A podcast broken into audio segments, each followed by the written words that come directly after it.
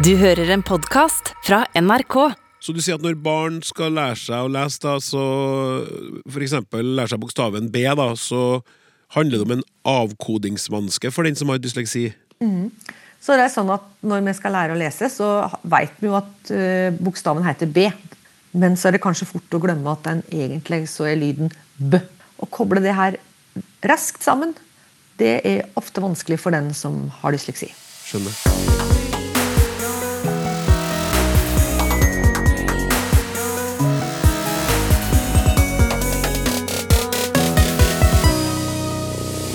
Tenk deg at du får beskjed om at barnet ditt har dysleksi, samtidig som du får vite at det kunne vært oppdaga og gjort noe med for lenge siden.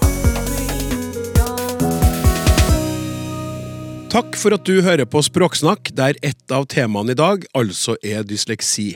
Vi skal også innom utrydningstrua språk, som sliter med lærerrekruttering. Vi skal utfordre dere lytterne på dialektversjoner av Desto, mens assisterende helsedirektør Espen Rostrup Nakstad er gjest i Ut med språket. Jeg lurer i den forbindelse på om klart språk kan være smittsomt. Det hadde vært stas. Men nå først. I hver eneste norske skoleklasse er det én til tre elever som sliter med dysleksi. Mange av disse elevene får ikke hjelp til å finne ut av det før de er langt oppe i skoleløpet, og for noen kan det være for sent. Dette er et stort samfunnsproblem som vi burde ha løst for lenge siden, mener du, Åsne Midtbø Aas, som nettopp ga ut Dysleksihåndboka for lærere og er tilknytta Dysleksi Norge. Åsne, hvorfor er dette et samfunnsproblem? Jo, det er det fordi at det er så enkelt at hvis du ikke får hjelp til det her tidlig eh, når du er liten, da, som er ofte i småtrinnet på barneskolen, så er det ganske mange som dette går utover sjøltilliten, en kjenner seg dum. Mange, for dem som har størst vansker, så kan det være så alvorlig at det fører til at en faktisk ikke klarer å komme seg gjennom skolen. Og det vil òg for mange være en utfordring i arbeidslivet seinere. Og dessverre så har vi også ganske heftig statistikk på dem som virkelig har åka utpå og det virkelig ikke har gått bra med i livet. Eh, sånn at eh, det å finne det her og sette en riktig tiltak på noe vi veit funker, eh, det er viktig. Ja. Det her skal vi snakke mer om, men først så vil jeg gjerne at du skal forklare meg og dem som hører på, hva er dysleksi? Det er vanskelig å svare veldig kort og presist på det, men jeg plager å si at det er en som du sa, avkodingsvanske. Det betyr at det å lære teknisk å lese, det å få koble bokstav og lyd sammen og rett og slett knekke denne her lesekoden som alle snakker om altså Det kan si at lesenettverket i hjernen, der er det noen små humper som òg gjør at en ofte får skrivevansker. Og så er det en del ekstra ting som henger på. Mange med dysleksi kan f.eks. ha problemer med å lære seg klokka eller ha problemer med retningssans. Så det kan jo opptre litt forskjellig, og ikke minst så opptrer det nok ofte i veldig forskjellig grad. Noen kan ha det ganske kraftigere enn andre. Ja, Men hvordan oppleves det her for den som er dyslektisk, da? Jeg tror at når en er liten og begynner å skal lære seg å lese, så tror jeg mange med dysleksi husker tilbake at en satt i klasserommet, og alle andre på skolen lærte seg å lese ganske kjapt. Og så syns jeg som dyslektiker at dette her er ganske vanskelig. Eh, mange, så der, der starter det ofte. Ja. Og når jeg snakker med ungdom, så er det veldig mange som sier at jeg har brukt uhorvelig mye tid på lekser. Jeg bruker mye tid på å lese. Eh, jeg, jeg, jeg, tenker at jeg er dum for at jeg ikke får til det som alle andre gjør. Så det er mange ekstra ting her, da. Ja, altså, du, altså Jeg nevnte det fordi at jeg hadde sett, sett det i boka, og, og dette avkodingsvanske. Så vi, mm. vi snakker ikke om en lærevanske, eller bruker ikke det begrepet her? Jeg er litt skeptisk til å bruke det, sjøl om alle forskere er altså Hvis du skal si dysleksi, blir jo sagt at det er en spesifikk lese- og skrivevanske innenfor litteraturen. da. Men jeg tror at det er ganske farlig å snakke om det som en lærevanske. fordi at en dyslektiker har jo ikke problemer med å lære. Altså, du ville aldri tenkt at Erna Solberg, som er en åpen dyslektiker, har problemer med å lære. Men det er lese- og skriveferdighetene som er problemet. altså Det er en avkodingsvanske. Derfor så tenker jeg at det, hvis eh, en dyslektiker får en YouTube-snudd, eller han eh, får en god fortelling av læreren, eller har en god gruppediskusjon, eller ser en film, så vil jo en dyslektiker lære like mye om andre verdenskrig, kanskje mer. For ofte så er den veldig god til å huske. Ja. Men hvis du gir deg tekst da, og sier nå skal du lese det kapitlet i den læreboka, og så må du finne ut av hva som står der, da er det veldig mange som ikke får med seg læring. For hele kapasiteten i hjernen går med på å avkode. altså la, skjønne hva som står der. Og, og da bruker en ofte lang tid, og så må en gjøre det om igjen. Og så er begynte ute og sykler. Ja, jeg skjønner. Eh, det høres veldig heftig ut for den som sliter med det, og, og også det med at man ikke nødvendigvis oppdager det når man kunne. og Hvorfor blir det ikke oppdaga tidligere? Det er faktisk sånn at du godt kan bli lærer i Norge. Eh, eller de fleste som er lærere og lektorer i Norge, har veldig lite om, eller ingenting om det her i sin utdanning. Jeg er vanlig allmennlærer i bånn. Jeg kunne ingenting om det. Hadde ingenting om det i min lærerutdanning.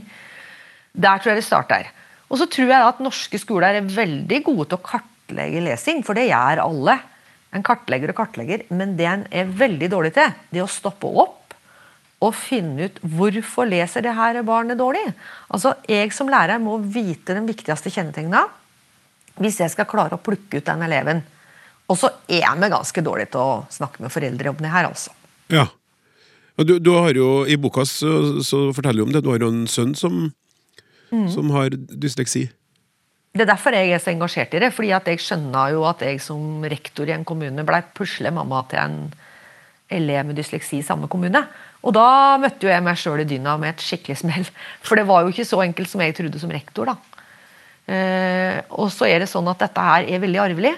Eh, det, en sier jo at en ca. 38-50% sjanse for å få eh, at barnet har dysleksi hvis en av foreldrene har det. Jeg tenkte jo ikke på det at jeg er fra en familie, og det er mannen min òg, som har uh, dysleksi i familien. Og det enkleste alle kan gjøre, det er i hvert fall å spørre når barnet er lite er det lese- og skrivevansker i familien. For da, jo, da, må vi virkelig ha et ekstra blikk på det her. Ja, og en av dem som har et ekstra blikk på det her, er Anne Margrethe Steen, som er lærer og spesialpedagog ved Levanger ungdomsskole. Som er en av rundt 140 dysleksivennlige skoler i Norge. Det er en slags sånn sertifiseringsordning som er satt i gang. Og Anne Margrethe, du jobber med elever som har dysleksi. Eh, hva gjør du når du får mistanke om at en elev strever med det her? Ja, Det er i hvert fall som Åsne sier, utrolig viktig å ha den gode dialogen med heimen. Og hvis en elev strever, så det første vi gjør, det er å snakke med de lærerne som jobber med eleven. Og høre liksom hva er det den strever med. Og vi vet jo ikke alltid om det er dysleksi, for det er jo veldig mange som kommer til ungdomsskolen som eh, ikke har fått den diagnosen. Og det er jo veldig uheldig. Og da må vi lete. Og da som Åsne sier, vi kartlegger og uh, har kompetanse på skolen da, mm. i å kartlegge for å finne ut om eleven har dysleksi. Det gjør vi med en ja. gang. Og så snakker snakker selvfølgelig med heimen. Men hva, hva, tenker du om at skolen generelt bruker så lang tid på å finne ut om en elev uh, har denne utfordringa? Du, det har jeg tenkt mye på, fordi at jeg har jobba nå i 26 år med dette her. og Eh, ofte eh, Du blir jo veldig frustrert da, når du kommer i ungdomsskolen og du finner ut at de har dysleksi der, og du tenker hva verden er det som, hva de ikke sett her. Men, men eh, på den andre sida så er det noen få, og de er få altså, som eh, flittige liser, som vi kaller dem, som har jobba så knallende hardt at de liksom har kompensert. Og når de kommer på ungdomsskolen, så blir de så lei seg, for de får ikke det karakteret de har lyst på. De jobber og jobber og jobber, og så oppdager de Du leser jo så eh, sakte og så mye feil, og du eh, gjør ting som du ikke ser sjøl at du gjør, f.eks. at du gjetter på hva som står i teksten. Sant? Du gjetter ord. Du bare leser første biten av det. Det er sånn typisk, ja. som de ofte gjør. Og da forstår du liksom at uh, du har liksom smett unna, du. De har ikke sett deg. Men når vi får uh, andre som uh, har, som Åsne sier, store avkod avkodningsvansker, så, så, er det vondt. For da, da, kommer de hit og er lei seg og fortvila og vil, har kommet til et skritt at de orker ikke mer. De har begynt å gitt opp, de har mista motet. Og det er ille, for da, da, da snakker vi om eh, skikkelig trøbbel. Ja, det er jo, jeg syns det er skikkelig trist å høre på, med tanke på hvor mange det er som sliter med her. eh, Og som mm. sitter med klump i magen og kanskje ikke Ja, ikke klarer å si fra om problemet sjøl, og håper kanskje på å bli oppdaga og hjulpet. Men eh, er- hvem sitt ansvar er det da å ta tak i det problemet når en elev sliter med lesing og skriving og andre ting knytta til dysleksi? da? Ja, Først så vil det jo være læreren som er i klasserommet, som helst bør ha eh, gode verktøy til å finne den eleven. Men jeg vil jo si at dette er jo skoleeier og ikke minst skoleledelsen sitt ansvar å, ha, å jobbe systematisk. Og òg sørge for at, at en har det her oppe på dagsordenen. At en snakker sammen om det og spør og graver om det. At det er aktivt, at en på en måte har et aktivt forhold til det. For det er jo ingen andre samfunnsinstitusjoner som har ansvar for å ta vare på den elevgruppa her. Det er jo skolen som skal ta det ansvaret, sammen med barnehagen. Eh, For det er jo mange ting vi kan se etter så tidlig som før en starter på skolen. Og det er jo én ting til jeg vil si, som eh, det er fort å tenke at det er enkeltlærer sin feil. Det tenker jeg at det ikke er. For her må vi ha mye bedre systemer. Og så er det så viktig at PP-tjenesten som skal støtte skolene her, ikke blir en propp.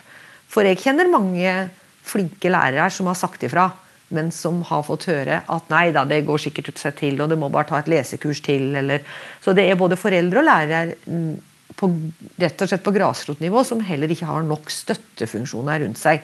Det er det som er så bra på Levanger ungdomsskole, at en har satt av ressurser til at det fins kompetanse til å hjelpe alle lærerne i klasserommet.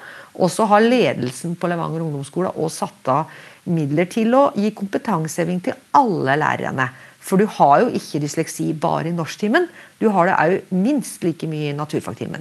Ja, det, det er et veldig godt poeng. Ja.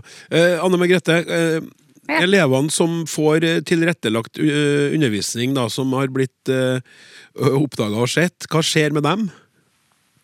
Jo, da, det som er veldig viktig, og det som Åsen sier, det er at dette her er ikke bare et ansvar for norsklæreren. Da må alle som jobber rundt den eleven, de må snakke sammen og få vite hva, hva er det vi skal gjøre. Og Da er det viktig å ha et skikkelig system på det. og sånn som for eksempel, Her på Levanger ungdomsskole så har vi ei tiltaksliste som, all, eh, som ledelsen tar fram ved hver skole, eh, plan, første planleggingsdag om høsten. Og den eh, blir vist til alle eh, ko- eh, kollegaer og sagt at her har vi fokus på dysleksi. Og du skal gjøre sånn, sånn, sånn og sånn. Det er forventa av deg. Så det blir sendt ut ei felles forventninger fra ledelsen. F.eks. dette med at eh, Eh, Man skal mengdedifferensiere og passe på at en har tilpassa læreverk. At en har eksempel nok, eh, at de får det digitale eh, verktøykassa de trenger, med kompensatoriske hjelpeprogram som hjelper dem å skrive riktig, som sier fra, leser opp eh, hva de har skrevet. ikke sant? Ja. Og ja, muntlige prøver f.eks. Har du en elev som sliter veldig med lesinga si, så må den få vist hva han kan, f.eks. gjennom en muntlig prøve. Og da er det sånn at ofte kan lærere si at oi, herregud, men det er jo så mange som har hjelp, og hvordan skal jeg få til dette? Og da har vi i fagtimene våre, eller trinn, eller hva du kaller det, litt forskjellig hva du kaller det i Norge. Eh, Men vi har team. Åttende team, niende team og tiende team. Og da snakker vi sammen. Hvem er det? Nå kommer det en stor prøve i mat og helse. Nå er vi seks-sju klasser her. Og nå vet vi at den og den har dysleksi, og vi vet at de trenger muntlig prøve her. Hva slags ressurser kan vi bruke? Jo, vi kan bruke eh, norsktimen, for det har vi to lærere inne i A-klassen f.eks. I B-klassen der er det tre lærere inne i en én mattetime, en miljøarbeider og to lærere f.eks. Da kan vi bruke den timen. Så vi, vi må planlegge sånne større prøver, altså. Ja, Og så samarbeid om å flytte ressursene der de trengs til enhver tid? Nettopp. nettopp, Det er så viktig å snakke sammen. Og så navngi eleven. Ikke sant? I, i teamet at du sier at øh, for, for vi har jo mange. Det som Du ser, du sa én til tre. men også, det er ofte vi har tre og fire dyslektikere i klassene. altså. Ja. Det er ikke uvanlig. Nei. Men eh, hvordan, bør eh, skolen og samfunnet jobbe for at vi skal oppdage dysleksi tidligere? Jeg antar at denne dysleksisertifiseringa av skoler er ett grep, men det er jo utrolig mange tusen skoler igjen før dere har nådd Ja, og Dysleksi Norge kan ikke ta ansvar for det, selvfølgelig. sånn at Det vi har gjort, er jo på en måte nå å lage en fagutvikling. For det er en, det er en utrolig spennende fagutvikling vi har gjort sammen med de skolene som nå er sertifisert. Så har vi jo nå Vi, vi kan vel si det sånn at vi på en måte Vi, vi veit veldig mye om hva som må være på plass for å få det til å fungere. da. Eh, og da handler det om at vi vi må kanskje slutte å tenke at hver eneste altså Kommunalt selvstyre og all slags frihet på hver skole kanskje ikke funker så bra på det området her. Det er jo ikke noe særlig forskjell på å lære seg å tilrettelegge for en dyslektiker i Bø, som jeg er fra, eller Levanger, som Anne Margrethe er fra. Men det er altfor store forskjeller eh, mellom skoler. Og det må jeg si etter å begynne å bli vært lenge i gamet, at eh, jeg vet ikke hva du tenker, Anne Margrethe, men jeg vil si at forskjellen mellom skoler som får til det her, og skoler som ikke får det til, er større nå enn det var for 15 år siden. Ikke fordi at mm. noen har blitt dårligere, men fordi at de skolene som virkelig har blitt gode på det her, er rågode. Eh, og jeg, synes det, Hvis jeg hadde vært utdanningsminister, så hadde jeg vært det første jeg hadde gjort. var sagt at Sånn jobber vi i Norge. Jeg, jeg fatter og begriper ikke at alle skal finne opp det kruttet her på nytt. Det, det skjønner jeg virkelig ikke. Nei, så tenker jeg jo også ja, ja, jeg er tenker også Åsne, da, unnskyld, unnskyld, men jeg, jeg, bare, Ja, jeg sitter jo med dysleksihåndboka di i hånda, Mm. og her har vi jo et uh, hjelpemiddel. Uh, på hvilken håpe, måte håper du at boka di skal bidra til økt kunnskap og forståelse om uh, det her feltet? Nei, altså jeg eh, er ikke beskjeden på de ungene her sine vegne. Så jeg har eh, den eh, forholdsvis hårete målsettinga om at jeg tenker at den boka her burde alle lærere ha lest. Og jeg håper at den kommer inn i all lærerutdanning, ikke bare i, spesped og norsk lærerutdanning. Jeg tenker at hvis lærere skal ha ansvaret for å tilrettelegge, og det har en etter loven, så må norske samfunn sette en i stand til det. Og da, I hvert fall har jeg skrevet det jeg har i huet mitt uh, ut fra at jeg har lært av den dysleksivennlige skolen og jobba sammen med så mye flotte folk. Så tenker jeg at kanskje jeg har prøvd å lage og samle alt det en lærer trenger å kunne for å gjøre en rimelig grei jobb i forhold til både det å finne, men ikke minst sette inn riktig tiltak. Så det, det er jo en forholdsvis hårete målsetting, men eh, pytt pytt, det er viktig. Det er riktig. Eh, Vi får håpe både boka til Åsne og deres eh, innsatsvilje på dette feltet bringer frukter i årene framover. Tusen takk skal dere ha, Åsne Midtbø Aas og Anne Margrethe Steen. Åsne, vi snakkes igjen mot slutten av sendinga. Språksnakk med Klaus Sonstad. Ja, vi er jo heldige her i Språksnakk, for vi får jo så utrolig mange fine e-poster fra dere lytterne, og de sendes jo til snakk.krøllalfa.nrk.no. Jeg tenkte jeg skulle vie et par dem litt oppmerksomhet nå. Hei, Klaus! Hørte på Språksnakk i dag om barn som bytter fra nordnorsk til østnorsk når de bytter karakter i leken. For flere år siden hadde jeg, som norsklærer i ungdomsskolen, en, e- elev som var plaget av stamming. Han var på trening på en stammeskole i hermetegna, og var veldig åpen om problemet i klassen. En gang hadde vi rollespill, der elevene gikk sammen i grupper på tre-fire med tildelt oppgave fra læreboka. Gruppene framførte dialogen etter tur, og det overraskende skjedde. Han som stammet, valgte rollen som advokat for hundeeier i boligblokk der dette ikke var tillatt, og han stammet ikke! Da jeg spurte han i klassen hvorfor han ikke stammet, svarte han at advokater ikke stammer. Glemmer aldri denne morsomme situasjonen, hvordan han taklet sitt problem og klassens omsorg for denne eleven. Takk for artig og nyttig program. Hilsen Marta Berger, fortsatt lærer i hjertet. Og for en hjertevarm e-post det var, Marta. Og så over til noe helt annet. Hei, Klaus og de lattermilde språkvitere. Noen av oss sier jo mer, jo bedre, eller desto mer, desto bedre, eller kanskje en blanding, jo mer, desto bedre. I podkasten til Bergens Tidende hørte jeg nylig en kar fra Nordfjord som jobber med redningsaksjoner, si følgende. Til heftigere aksjon til eh, eh, Oi, oi, oi. Til heftigere aksjon det er, til mer er det å bearbeide. Jo, til eller desto. Finnes det andre varianter av dette lille, rare ordet i andre dialekter? Og hva eller hvor kommer ordet desto fra? Vennlig hilsen en språksnakkvenn i Bergen. Jeg spør som vennen vår her, finnes det? Skriv til snakk.krøllalfa.nrk.no om du har et dialekteksempel på desto, så skal jeg forsøke å få noen til å gi oss ordets opphav imens. Men nå er det klart for ukas gjest i Ut med språket. Han har mottatt både ros og pris for sin klare tale, men fikk en vekker da han hørte seg sjøl lese, og syntes det låt slurvete. Assisterende helsedirektør Espen Rostrup Nakstad, velkommen til oss. Takk for det. Du, altså jeg må si da, eh, det må jeg nå, eh, da vi, da vi gjorde avtale med deg, det er en god stund siden, da så alt så utrolig lyst ut, både her og både der. Og nå sitter jeg og snakker med deg på linje fra en eh, smittebefengt trønderby. ja, du gjør faktisk det. Ja, og jeg tenker ja. Din rolle er sånn, litt sånn som gudfaren. Just when I thought I was out, they pull me back in again! ja, det kan du si. Ja, nå er det i gang. Ja, du kan si Det har jo endret seg litt nå siden i sommer, absolutt. Men uh, fra vår side så har vi jo hele tiden tenkt at pandemien er jo ikke over. Men, uh, men så har vi fått et pusterom også, da. Ja. Uh, og vi får jo håpe at vi klarer å snu det som skjer nå, uten for store ja, for inngripende råd og tiltak. Ja. Vi har jo tro på det. Enig. Uh, la oss snakke om noe hyggeligere. Ja. Uh, høsten 2020 så fikk du en utmerkelse av Språkrådet for din bruk av sitat, klart og forståelig språk i formidling av vanskelig informasjon. Sitat slutt. Har du alltid vært så god til å formulere det? Du, det vet jeg ikke. Jeg, eh, jeg har jo eh, for så vidt eh, aldri hatt noen problemer med å holde taler eller snakke til folk. Men, men har egentlig aldri tenkt så mye over det. Nei, men, men sånn, hvis, du, hvis du prøver nå å tvinge deg sjøl til å gjøre det, som liten Hvilken familie kommer du fra? Snakka dere mye sammen? Var det diskusjoner? Hvordan sto du deg i dem?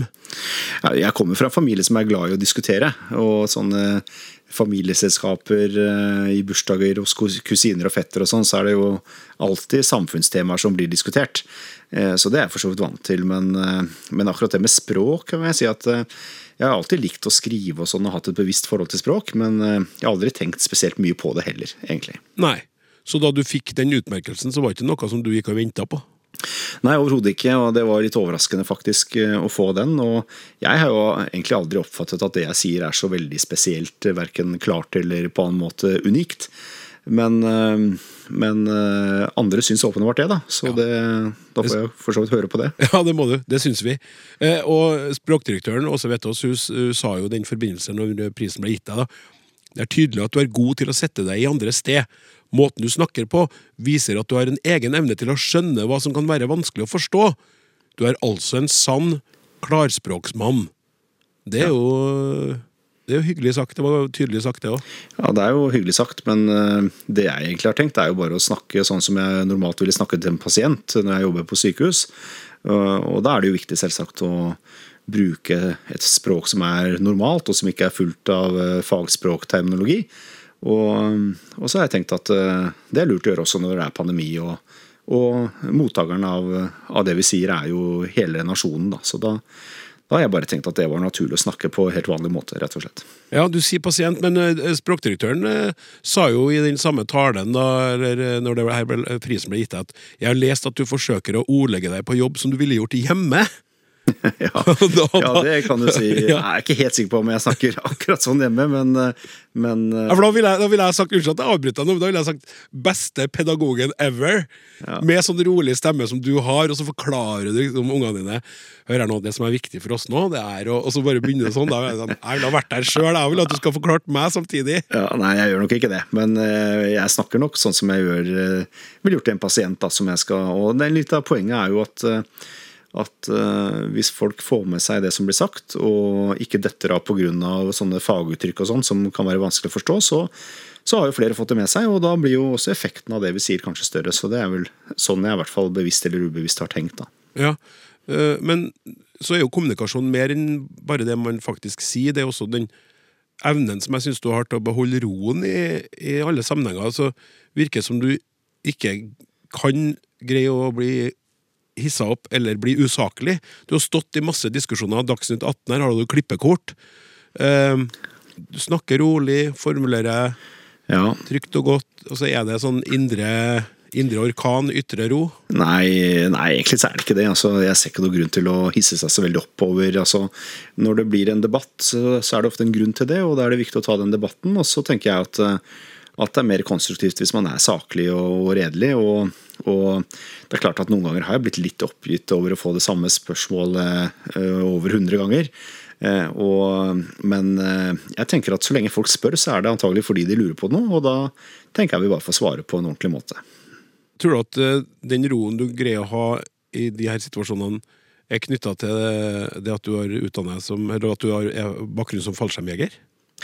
Ja, det vet jeg ikke, men, men eh, det er nok en av de tingene som har formet meg videre i livet, og som har betydd mer enn det jeg kanskje tror. Eh, Kanskje går det mer på kapasitet, altså det å, å mm, ha et fokus av gangen og, og på en måte være veldig strukturert og grundig i det, de tingene som er viktig å være grundig på. Eh, Det har jeg kanskje med meg fra den tida. Men sånn språklig sett så tror jeg kanskje det er en miks av det jeg har vokst opp med og det jeg har lært på skole. Og også det at eh, når man driver litt som forsker, som jeg har gjort, så, så skriver man jo mye. Selv om det da kanskje er mest på engelsk, så, så blir, får man et bevisst forhold til språk også av den grunn. Ja. Men Hvis vi bare fortsetter litt med, med den eh, måten du snakker på, da, altså, som nå tenker jeg først som fagperson. Tror du at det er et stor forskjell på hvordan du snakker med meg nå, eller, eller la oss heller si da, med meg nå, men altså i, i Dagsnytt 18 nå, og den måten du formulerte deg på da du ble for å si sånn, koronakasta uti det i, i mars 2020? At det har, det seg? Jeg tror kanskje det. Altså, I mars eh, 2020 så var jo ting veldig usikkert. Og eh, da husker jeg at jeg syntes det var litt eh, utfordrende å få direkte spørsmål live eh, uten å vite hva man skulle bli spurt om i det hele tatt. Men det tok ikke så mange dagene før jeg vente meg til det. Og etter hvert så fant jeg ut at, eh, at det vi jobber med under pandemien, er jo på et så detaljert nivå at det er ikke noe stort problem å svare på alle disse forskjellige spørsmålene. Og da gir det en trygghet i at du egentlig aldri er noe nervøs eller engstelig for å stille opp i et intervju i det hele tatt. Eh, Men akkurat første to-tre dagene så var det mange ting jeg var litt uforberedt på at ville komme. Eh, Men det var veldig snille spørsmål den gangen også, og det var liksom mye av de samme spørsmålene. Så, så det var kanskje den letteste perioden sånn sett, da, å svare på ting. En, sånn rent språklig, da, med måten Altså hva du sier, fyllord og sånt. Har du, har du gått en vei der, eller eh, syns du jeg, merker jo, jeg merket jo særlig i fjor at eh, altså når jeg fikk litt vanskelige spørsmål som jeg måtte tenke meg litt om på, eh, så la jeg noen fyllord av og til. Eh, eh, på en måte, eksempel, sa jeg en del. og Jeg, jeg merket sånn noen ganger når jeg så meg selv på, på TV etterpå, at jeg, at jeg la inn det. Men det gir deg en eller to sekunder til å tenke på. Ja. Eh, Og det er liksom derfor du ubevisst gjør det, tror jeg. Fordi da er du liksom Der tankene, eh, i hvert fall et mikrosekund før eh, uttalen, eh, og da blir det mer presist det du sier. Så eh, det er noe med det å, å bruke det halve sekundet før du åpner munnen og begynner å si noe, og så er det det å å hele tiden ha planlagt det neste du skal si i et resonnement, eh, som, som jo er litt krevende, men som kanskje er en liten treningssak også. Ja, det, er- det er jo veldig mange som legger merke til det og kommenterer sånt, når uh, folk som uttaler seg ofte i media, ja, bruker det vi kaller fyllord nå, da. De er kanskje litt vel streng mot uh, Ja, jeg- Dere er jo under et voldsomt press, og du leverer jo på direkten, og selv om du begynner å få de samme spørsmålene om og tatt og om og så vil det jo også dukke opp nye ting. Absolutt, og jeg tenker at eh, det er stor forskjell på et skriftlig svar, eh, formelt svar, og det å svare på ting live. Og hvis det klippes litt ut av sin sammenheng, så er det klart at det, det yter jo ikke rettferdighet å konfrontere folk med alle sånne live-utsagn. Eh, Særlig små nyanser og sånn blir jo da ofte litt, eh, litt på sparket. Så det, det tenker jeg må være litt innafor. Sånn som når vi prater nå, så, så sitter jo du i Trondheim og jeg sitter i Oslo. og Jeg vet jo ikke helt hva du skal spørre meg om. og det er klart, eh, Da, da blir det ofte sånn at jeg kanskje ville formulert meg litt annerledes hvis jeg hadde fått det skriftlig, f.eks., vil jeg tro. da. Ja, Det blir litt kjedelig hvis du skal ha alle spørsmålene på forhånd. Ja, ikke sant? Det blir kjedelig. ikke hadde tid til det. Ja, det gjør det. Men eh, privat-Espen, da, da du, da du eh, begynte å snakke for eh, Ja, som helsedirektør, assisterende, eh, så var du jo en fagperson som hadde eh, holdt på i mange år, men vi kjente deg jo ikke, vi eh, vanlige folk der ute, og så plutselig så er du blitt megakjendis. Er det forskjell på hvordan Espen før snakka og Espen nå snakker, når du bare eksempel skal være i et sånt intervju som det her, hvis du ser for deg at du hadde fått det tidligere, eller i et ja, VG-intervju? Ja, nei, Det er mulig at jeg har endret meg på den måten at jeg tenker meg litt grundigere om nå enn det jeg kanskje gjorde de første ukene. På den annen side, når jeg, jeg har jo undervist en del og holdt en del foredrag underveis i pandemien. eh, Og, og mye digitalt, selvsagt, men også noe fysisk nå den siste tiden. Og jeg merker jo at jeg egentlig snakker på akkurat samme måte som før, vil jeg si. Eh, Men akkurat til den mediesettingen da, i forhold til journalister, og særlig dette med liveintervjuer, så er det nok kanskje sånn at jeg er litt mer bevisst på hva jeg sier. eh, Og, eh, og jeg er kanskje enda litt mer bevisst nå som ting har blitt veldig komplisert. Og ting har blitt veldig langvarig også. eh, Så, så blir man jo faktisk om mulig mindre og mindre skråsikker på ting også. Og det legger jeg kanskje litt mer vekt på enn jeg gjorde før. Ja. Er det noe som har overraska deg når det gjelder det å bli en medieperson? Altså når det gjelder hvordan dine utsagn og dine intervjuer blir brukt etterpå, hvordan oppslag er, og hvordan folk reagerer? Nei, altså Jeg merker jo veldig godt litt hva man er ute etter. og det er klart at Jeg får jo ofte det spørsmålet ikke sant? er du bekymra nå. Eh, og Det er et spørsmål jeg ikke liker så veldig godt, fordi det er litt upresist. Og hvis jeg svarer nei på det, så har jo det en veldig sterk Ja, signaleffekt. du bryr deg ikke? Eh, det er ikke sant, Da bryr man seg ikke. Nei, jeg er ikke bekymra. Det kan man ikke si ved en økende smittebølge f.eks. Men samtidig så det at jeg da må svare ja, eh, og ofte følger opp med et utvidet svar, da, eh, det blir jo ofte da bare stående som en overskrift at vi er bekymret. Espen Rostrup Nakstad er bekymra, han òg nå. Ja, ikke sant? Så, og det gjør jo at, at det skapes et lite inntrykk av at vi kanskje er litt mer bekymret enn vi egentlig er, og at i hvert fall nyansene faller litt bort. Og det er klart det er litt uheldig, men på den annen side så har vi jo eh, veldig mange muligheter til å korrigere budskapene våre. Og, det har vært mange pressekonferanser og mye annet, sånn at jeg føler jo at vi får fram det vi ønsker å si også. Litt utover de overskriftene, da. Så, sånn som hvis du blir spurt om ville du tatt vaksine når den vaksinen var på gang, da? For det har du snakka om. Ja, nei, ja, det, der. ja, det er klart det. Det er et sånt eksempel sant, hvor da før vaksinene var godkjent i Europa, så ble jeg spurt i en sammenheng om eh, ja, eh, vil du vaksinere deg nå? Eh, Og dere som er helsetopper, skal ikke dere vaksinere dere nå med en gang? Blir ikke dere prioritert?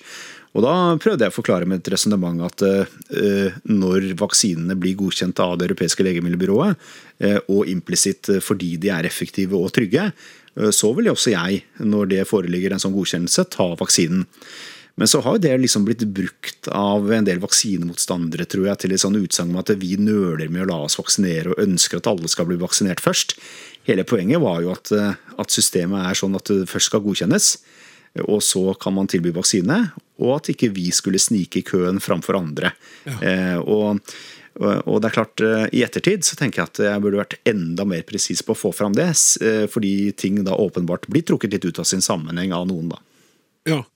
Eh, vi skal over på eh, ei bok som du nylig ga ut, som heter Kode rød. 'Kampen for det vakre'. Si først litt om den ja, skal vi kalle det undertittelen. Ja, Det er jo eh, noe du kanskje må lese boka for å forstå, ikke minst eh, prologen og epilogen. Eh, Og eh, Kortversjonen er jo at det er mye av det vakre ved menneskeheten som er viktig. Eh, Og Kode rød henspeiler jo kanskje mer på klimakrisen enn bare pandemien. Eh, Og bok- boken er jo et forsøk bl.a. på å forklare sammenhengen mellom klimakrisen og pandemien, og hvorfor dette faktisk skyldes mange av de samme årsakene. Eh, Så, eh, så det er eh, en av flere røde tråder i den boka som, som leserne skjønner når de leser boka. Da. Og Der går du jo Der veksler du mellom å være fagpersonen Espen og, og, og mer personlig Espen. Ja, jeg gjør det, fordi, fordi det er jo en bok som, hvor jeg prøver å forklare hvordan jeg ser på dette med kriseledelse og håndtering av ulike kriser. Og da går jeg langt tilbake i historien, både til det som er relevant for pandemier, men også som er relevant for andre kriser. Eh, Og jeg har jo gjort meg noen erfaringer selv. Eh, Jeg var f.eks. i New York i september 2001, etter at tvillingtårnene ble truffet, den uka etterpå. Eh, Og opplevde mye av hvordan ting ble gjort der. Og jeg har vært gjennom en del andre ting også som jeg har opplevd, og som er litt relevante for hvordan jeg tenker rundt dette. Så det tenker jeg var naturlig å skrive om. Og det skriver jeg selvsagt om som privatperson, men så skriver jeg også i den boka en del om pandemihåndteringen i Norge, og, og da uttaler jeg meg på vegne av Helsedirektoratet i en del sammenhenger der også. Men Si litt om, om hvordan du opplever forskjellen mellom det å være personlig eh, når du forteller eller snakker, og det å skrive personlig. Ja, si, det er, eh, det er litt forskjellig. fordi du kan si I podkaster og sånn, så kan man ha veldig god stemning og være veldig personlig. Men det er klart, når du skriver en bok, så har du jo egentlig full kontroll på hvor du liksom legger lista, og hva du vil skrive om. Eh, og du går jo flere runder ikke sant, og leser gjennom det du har skrevet, og får tid til å tenke deg og reflektere om skal jeg virkelig skrive dette på denne måten eller ikke. Så det er en veldig trygghet og veldig god kontroll når du skriver en bok. På den annen side så, så forventes det jo at du bidrar og byr på noe. Eh, og så må du prøve å balansere det også, sånn at det, at det blir interessant for andre enn deg, som jo har en personlig referanseramme og hukommelse rundt det som faktisk har skjedd, som kanskje ikke åpenbart eh, fremtrer for de som leser teksten for første gang. Så, så det er litt å tenke på der, men den store forskjellen er jo at du har all definisjonsmakten da, når du skriver selv, i forhold til et intervju eller en podkast, sånn som nå, da, hvor, hvor, det er du som har definisjonsmakten ved å stille spørsmål, f.eks. Ja, eh, men eh, da du leste inn, du har lest inn lydboka her, mm. boka, da fikk du en aha-opplevelse? Ja, da fikk jeg jo en liten opplevelse, ikke, ikke, bare på det innholdsmessige, men også dette med språk og hvordan man uttrykker seg, altså artikulasjon og sånne ting. Eh, fordi når du sitter i et sånt lydbokstudio med veldig følsomme mikrofoner og hører på en måte hver minste lille knitring, så, og hører sin egen stemme veldig godt, så blir man jo veldig obs på hvordan man uttaler ord. Og det er klart at eh, Da jeg begynte å lese inn den lydboka, så merket jeg jo at hverdagsspråket mitt er ikke helt perfekt. Jeg slurver litt, jeg forkorter litt, jeg snakker jo litt raskt noen ganger. Alle disse tingene får du høre veldig tydelig når du sitter og leser inn en bok sånn eh, til lydbok. Eh, og det er veldig lærerikt. Og, og, da får jeg litt respekt for journalister og andre som jobber i eh, billedmedia og lydmedia, da, om hvor viktig det faktisk er å være nøyaktig på uttale og, og, formuleringer også. Og tonefall og sånne ting. Så det var en veldig lærerik prosess for meg faktisk å, å lese inn lydbok. Lærte mye av det. Og, og etter noen timers eh, trening til å begynne med, så, så fløt det veldig fint. Så det var, eh, det var en morsom opplevelse også. Altså, du tenkte du skulle bare sette deg ned som eh, noen prisvinner for klarspråk og bare dundre av gårde, du, og så ferdig med det? Nei, jeg tenkte nok kanskje ikke det. Jeg var veldig, veldig spent på hvordan dette var. For jeg vet jo at det er profesjonelle skuespillere som vanligvis leser inn lydbøker. Og de må, de må tulle og slurve, vet du. Ja, ja, ja, og de må ta mange retakes, de også. Og jeg tok ikke så mange retakes. Så, men, eh, men, det er klart at eh, en sånn lydbok som jo varer kanskje ni og en halv time effektiv lyttetid, tar jo dobbelt så lang tid å spille inn. Ja. Så så, men det var en veldig nyttig erfaring, og jeg fikk veldig respekt for skuespillere og andre som bruker språket i yrket sitt. Eh, og som jo er veldig bevisste på det, og det tenker vi kanskje ikke så mye over, vi andre til daglig. En bok som jeg antar du ikke har lest inn lydbok av, men som du skrev sammen med Bjørn Bjelland i 2018, heter 'Beredskap, kriseledelse og praktisk skadestedsarbeid'. Ja, stemmer. Eh, det en, må jo være en fagbok, en lærebok? Det er en lærebok, ja. Og det er jo en litt annen type bok. Og da skriver man også litt annerledes, og, og bruker også et litt annet språk. Ja, Hvor opptatt var du og dere av språket den gangen? Ja, Da var det nok sånn at vi, vi var opptatt av mest det faglige innholdet, selvsagt. Det er man jo ofte i fagbøker, at man skal ha med alt som er relevant. Men fordi den læreboka har et ganske bredt eh, sånn nedslagsfelt eh, innenfor ulike yrkesgrupper, ikke bare i helse, men andre som som driver med krisehåndtering og sånn, så, så, så vi oss nødt til faktisk å definere innledningsvis alle ord og, og begreper eh, i et eget kapittel. Så da gikk vi liksom ned og definerte hva er en ambulansefagarbeider, eller hva er en paramedic, og, og, og, hva er egentlig definisjonen på en krise og på en katastrofe f.eks. Så, så da, da, passet vi i hvert fall på å definere disse tingene. Og så er det sånn i lærebøker at uh, første gang du bruker forkortelser, så bør du skrive i parentes eh, hele forkortelsen ut. Helt enig. Eh, jeg må bare støtte veldig. Ja, det har frustrert meg det, så mange sant? ganger. Ja, og Det er jo egentlig en veldig god tradisjon som slavisk brukes i forskning. Der er det alltid sånn. Men i lærebøker også så er det viktig, så, så vi var litt bevisst på sånne ting. da. Nå så er det jo lenge siden 2018 for oss alle. Det er jo nesten ikke til å tro hvordan det var den gangen her i verden. Nei. Uh, på en skala fra én til ti, der én er lite og ti er mye, hvor lei er du av korona? Du, Jeg er nok oppe på en åtte-nier nå. Jeg er, jeg er, veldig lei som alle andre. Eh, det må jeg si. Eh, men det betyr ikke at jeg er motløs. Eh, fordi vi fikk jo et pusterom i fjor sommer og et pusterom nå sommeren som var, og vi har egentlig hatt en høst så langt som har vært veldig normal. Så det er ikke sånn at jeg er sånn utslitt av det. Men, men jeg tror vi er veldig lei alle sammen nå. Ja, jeg, jeg fikk en, eh, sånn, et pekepinn på hvor det var da du, du var med i et intervju i Nettavis i ja, 1. august i år, og da ble du spurt om hva opptar deg, og da svarte du, husker du hva du svarte sjøl? Nei, det husker jeg faktisk ikke. Stillehavsøstersen, Ja, ja, sa du. ja det, det kan stemme. Den kan skaper mye problemer hvis du skal bade, i hvert fall. Ja, ja. Jeg synes bare Av alle ting jeg skulle ha gjetta at du hadde svart i et sånt intervju, så hadde jeg ikke dratt fram den, men du, du svarte jeg skulle gjerne blitt kvitt den. Ja, ja, det tror jeg mange som har bada i- langs kysten av Norge, gjerne skulle blitt kvitt, gitt. Ja, Grad 8-9 på Leo korona. Så- Så jeg eh, i et, eh, i et eh, intervju at søstera di har uttalt at du er litt lei av deg, hun òg. Ja, og jeg er jo også lei mitt eget tryne i media. Det er ingen tvil om det. Så um, det er jo sånn at for meg og alle andre i både Helsedirektoratet og FHI og andre etater, så er jo dette jobb. Altså, Vi gjør det jo av en grunn. Eh, Det er jo ikke fordi vi har veldig lyst til å være i media hele tiden. Eh, Så det er klart, eh, da motiverer seg man jo med at det er viktig og at det er en del av jobben, men, men vi blir jo lei, vi også. Ja, jeg vil si at det ble sagt i, i kjærlighet fra Katrine, som vel søstera di heter. Det var det var sagt i, med, med spøk, da. Ja, jo da, men ja. jeg tror hun har litt rett. ok. Ok. Eh, jeg, jeg antar at av alle spørsmål, eh, så er det i hvert fall ett du ikke har fått før i koronaen, håper jeg. Og hvis du har det, så ikke si det. La meg leve i den eh, tro at det her er første gang. Espen Rostrup Nakstad, ut med språket. Hva er ditt favorittord? Jeg tror det må være snø eller sommer. Det er liksom to ord som jeg forbinder bare positive ting med.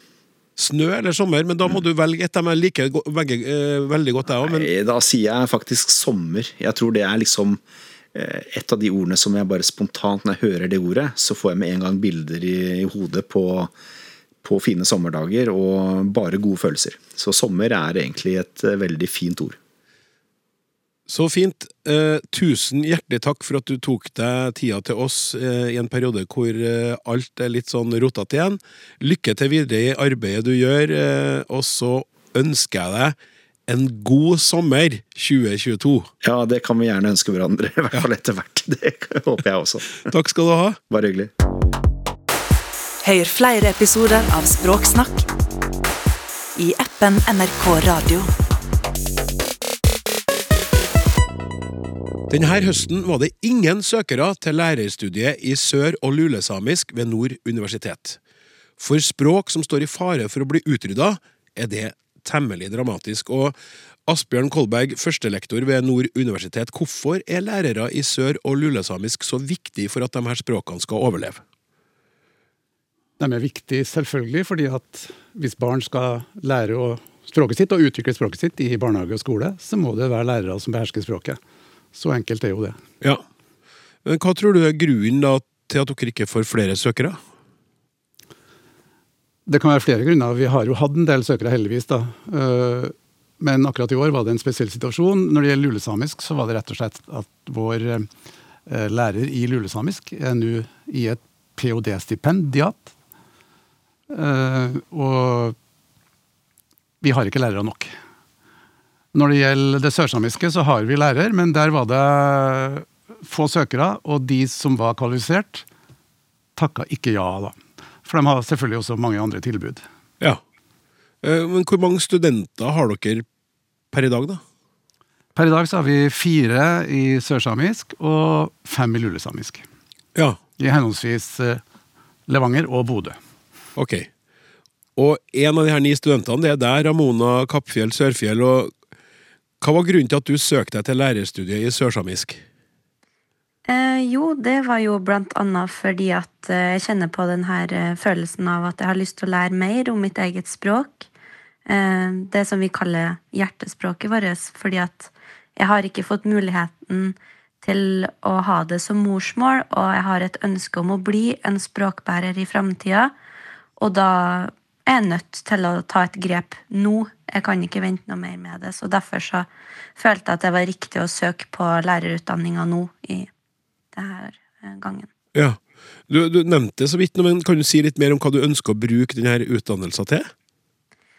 Um, jeg har jo et ønske om å bli en språkbærer, uh, som vil si at uh, jeg på hjemmebasis og i skolen klarer å bruke sørsamisk som et dagligdags språk.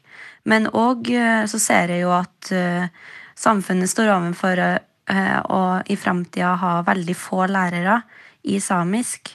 Sånn at jeg føler jo det ansvaret at når jeg har lyst til å utdanne meg som lærer, så tenker jeg at da er denne samiske kompetansen veldig bra å ha.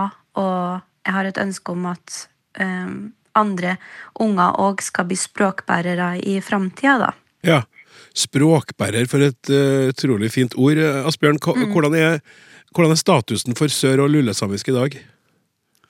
Ja, Hvis du tenker på hvor mange som snakker språk, eller bruker mm. språket f.eks., så, så har vi jo ikke noen pålitelig statistikk, da. Men uh, man har jo et anslag som går på at det i sørsamisk område er rundt 500-600 ja. i Norge og Sverige. da, Som, som behersker språket. Og nå er det jo forskjellige uh, definisjoner på hva det vil si å beherske et språk, da, men uh, av disse så er det vel ikke så veldig mange som, som kan regnes som et morsmål, men en god del, bl.a. Ramona, da, som kanskje har det som morsmål, men ikke alle har det. Men de lærer det i skole og barnehage en del, da, etter foreldrene sine ønsker. Mm. Sånn at de kan si å ha det som et andrespråk, f.eks. Og Ja. kan bli så dyktig at man kanskje etter hvert regner det som et førstespråk.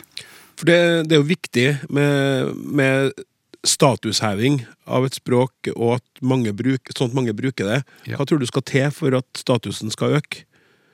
For et såpass lite språk? Ja, Én ting er jo kanskje å, å gjøre det mer kjent, da. For det, jeg blir av og til litt overraska over hvor få i dette landet som, som vet at det faktisk fins et språk som heter lulesamisk, og et språk som heter sørsamisk. For det er jo nordsamisk som er det Av de språkene her i Norge, så er det jo nordsamisk som er det, det sterkeste, eller største, altså flest eh, talere, og som da sånn sett er mer bærekraftig, da. Men uh, gjør det kjent, gjør språket kjent, og, og og blant annet at det kan brukes, ikke bare som et hjemmespråk, men, men også i skole og i, i, andre sammenhenger, i offentlige sammenhenger f.eks. Og av, av, dem som kanskje betyr veldig mye når det gjelder å gjøre språket kjent, så er det jo en del av de her unge samiske musikerne f.eks. Ja. Og, og kunstnere, filmmakere osv. For det er jo produsert eh, barne-TV-serier på sørsamisk. Vi har Maria Mortensson, for å nevne et navn, da, som er en dyktig musiker, som også behersker språket. Uh, og bruker språket også da, i sin formidling. Ja, men tror du at uh, Tror du at det elementet med nye språkloven som trer i kraft neste år, hvor jo også samiske språk blir omtalt så klart og har en egen paragraf, og det står at de er likeverdige i norsk språk, ellers så jamstilt etter sameloven kapittel 3, kan det bety noe for, for statusheving og det å rekruttere flere studenter? Jeg vet ikke om det betyr direkte noe for rekrutteringa, men det betyr i hvert fall noe for de, det offentlige sin forpliktelser for de to språkene. da. Ja.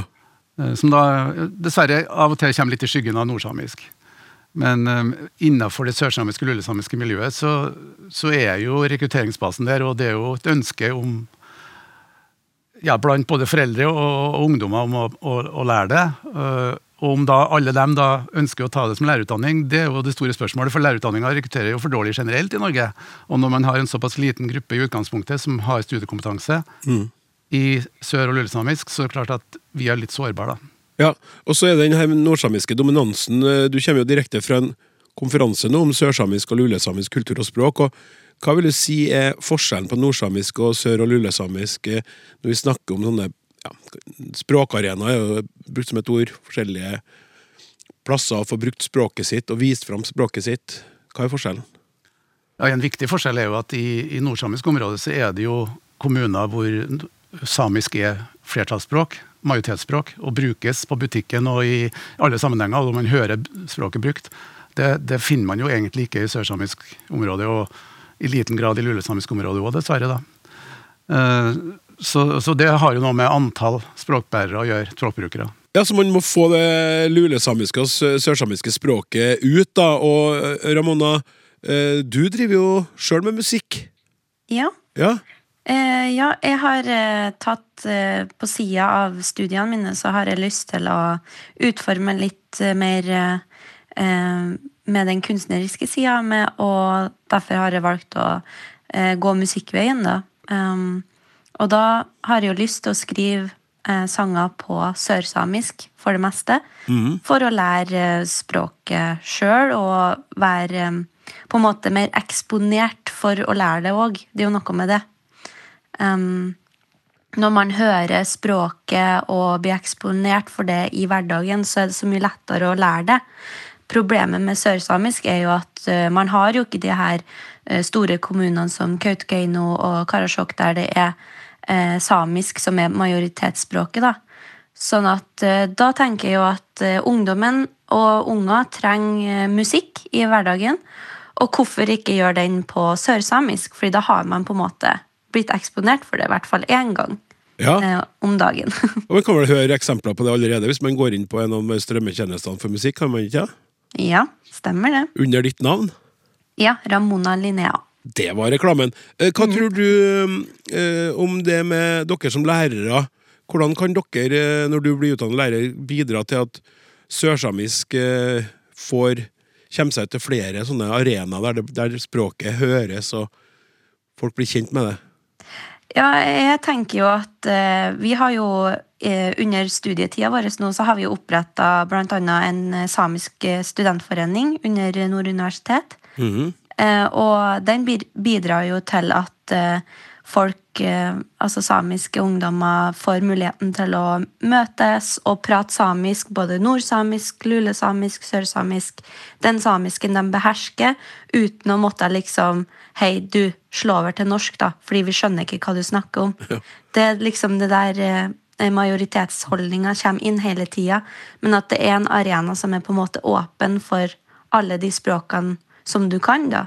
Og noen samiske eh, studenter behersker jo faktisk eh, flere samiske språk.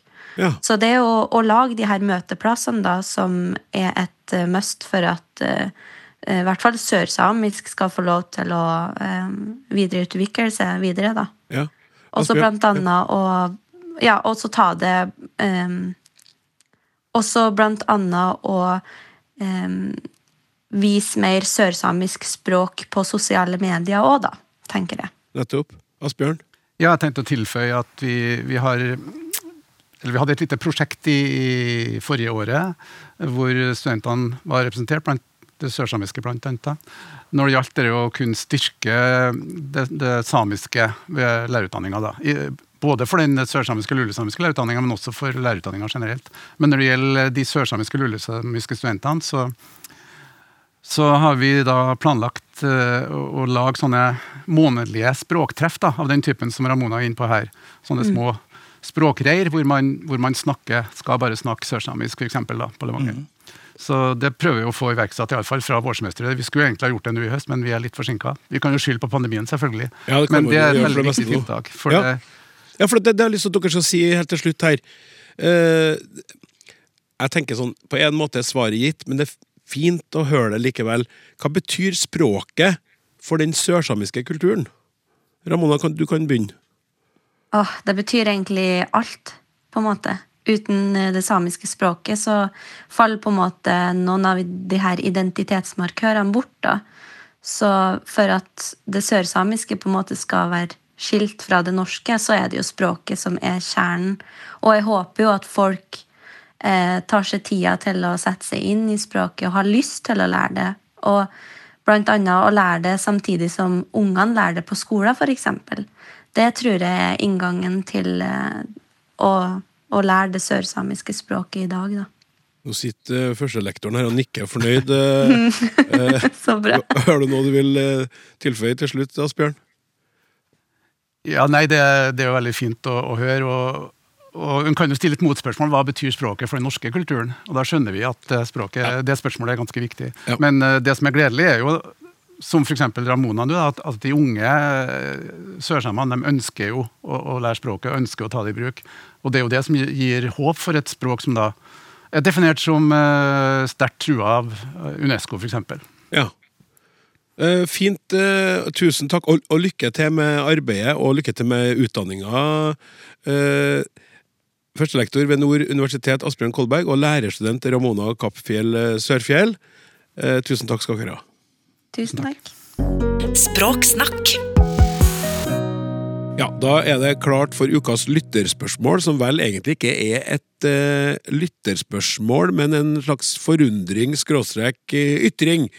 Men uh, uansett, Åsne Midtbø Aas er med og skal svare på det her. Tidligere rektor, nå knytta til Dysleksi Norge, har nettopp gitt ut Dysleksihåndboka for lærere uh, 2021. Det nytter, står det stempla på den forsida, så vi se om det nytter å ha med hun her nå, da. Når vi skal lese opp følgende e-post som har kommet inn til snakk. Krøllalfa nrk.no. Hei! Jeg forundres stadig over følgende utsagn. Det kan bli fryktelig dyre strømpriser i vinter. Priser er høye eller lave, ikke dyre eller billige. Det samme gjelder når meteorologer eller andre sier, skråstrek skriver, det blir varme temperaturer framover. Temperaturen, temperaturen kan gå opp eller ned, men temperaturen blir ikke varm eller kald. Temperaturen kan bli høy, høyere eller lav, lavere. Derimot kan det bli kaldt, kaldere, eller varmt, varmere vær. Sånn, nå er det sagt. Med hilsen Arne Svartis, Nesodden. Åsne, hva har du å si til det her? Jeg vil si hei, Arne. Oh, ja. Takk for sist. Ja vel? Han har jeg hatt som sjef. Har du det? Så han har vært generalsekretær i Dysleksi Norge. Nei, sant. Det var Ja, det Altså, eh, hvor lite land er Norge på en eh, skala? Eh, Veldig lite. Det er fascinerende. Så da vil jeg si at det er bra at noen har tid til å tenke over ting. Eh, og jeg har ikke fått med meg alt dette her, men jeg er jo enig med henne i prinsippet. At jeg heller veldig tenker at det er litt som smør på flesk. da. Ja. Si, Syns du ikke det er fryktelig dyre strømpriser? At det er en sånn Men jeg ville vel kanskje sagt at eh, det er dyr strøm? Ville jeg sagt. Ja, nettopp. At, Jeg vet ikke om det er så veldig korrekt heller, en, jo, men en pris jeg, Jeg tror det er det eh, Arne Du kan jo eventuelt ringe ham etterpå og diskutere det med meg. Jeg lurer på om han går på dyr pris. At en, det kan bli fryktelig høye strømpriser i vinter. Eller det blir lave strømpriser i vinter. Ja. Men Og det dy, dyre Ja. priser, det er det, det, han irriteres over. Ja, og det skjønner jeg, for det er jo, det er jo ja, som jeg sier, litt sånn smør på flesk-opplegg. Ja. Så jeg, men jeg må jo bare gi Arne rett, syns du ikke det? Jo, jeg syns At han eh, til, sier at dette må man skjerpe oss på. Mm. Er det litt sånn at du nå tenker at siden han har vært sjefen din, sånn, så tør du ikke å si noe imot uansett? Hvis du, Nei. Sier du, sier du varme temperaturer framover, da, Åsne, eller sier du det blir Jeg sier at det er varmt eller kaldt, jeg. Ikke sant? men jeg har diskutert mye, men jeg, men jeg ramla jo inn i den dialektfella med en gang. ikke sant? Så det er jo, jeg, jeg, jeg er jo fra en dialektområde der vi sier mye rart. For eksempel grusomt godt. Det er heller ikke spesielt lurt, da, hvis en tenker på hva en sier. Nei, men det, jo, men det, det, det, er- det, altså det, det er lov. Men, Ja. men eh, ja, nei, jeg sier, jeg sier jeg også sier det er varmt eller kaldt. Men jeg sier ikke at temperaturen er varm, tror ikke jeg akkurat. Nei. Så det, men jeg tenker det sånn helt seriøst sagt, så er det veldig bra han sier det. fordi at eh, vi er veldig dårlige på klart språk i Norge. Vi har mange som skal lære seg norsk. og eh, det er veldig forvirrende for folk at vi er så utydelige. Så jeg, jeg liker at Arne sier ifra. Og så er det bra at eh, noen har tid til å tenke litt lange tanker for det, og, og ta opp sånne ting. For det er klart det virker forvirrende, særlig for dem som sliter med å lære seg språket. Ja, Så det er viktig. Ja, så eh, Arne, i dag fikk du 100% støtte i Språksnakk. Eh, Sånn, nå var det sagt. Tusen takk skal du ha, Åsne Midtbøås, for at du ble med oss helt til Språksnakk var ferdigprata. Martin Våge, Randi Lillealteren, Hilde Håbjørg, Petter Gustavsen og jeg, Klaus Sonstad. Vi gleder oss allerede til neste gang. Vi snakkes. Du har hørt en podkast fra NRK. De nyeste episodene og alle radiokanalene hører du først i appen NRK Radio.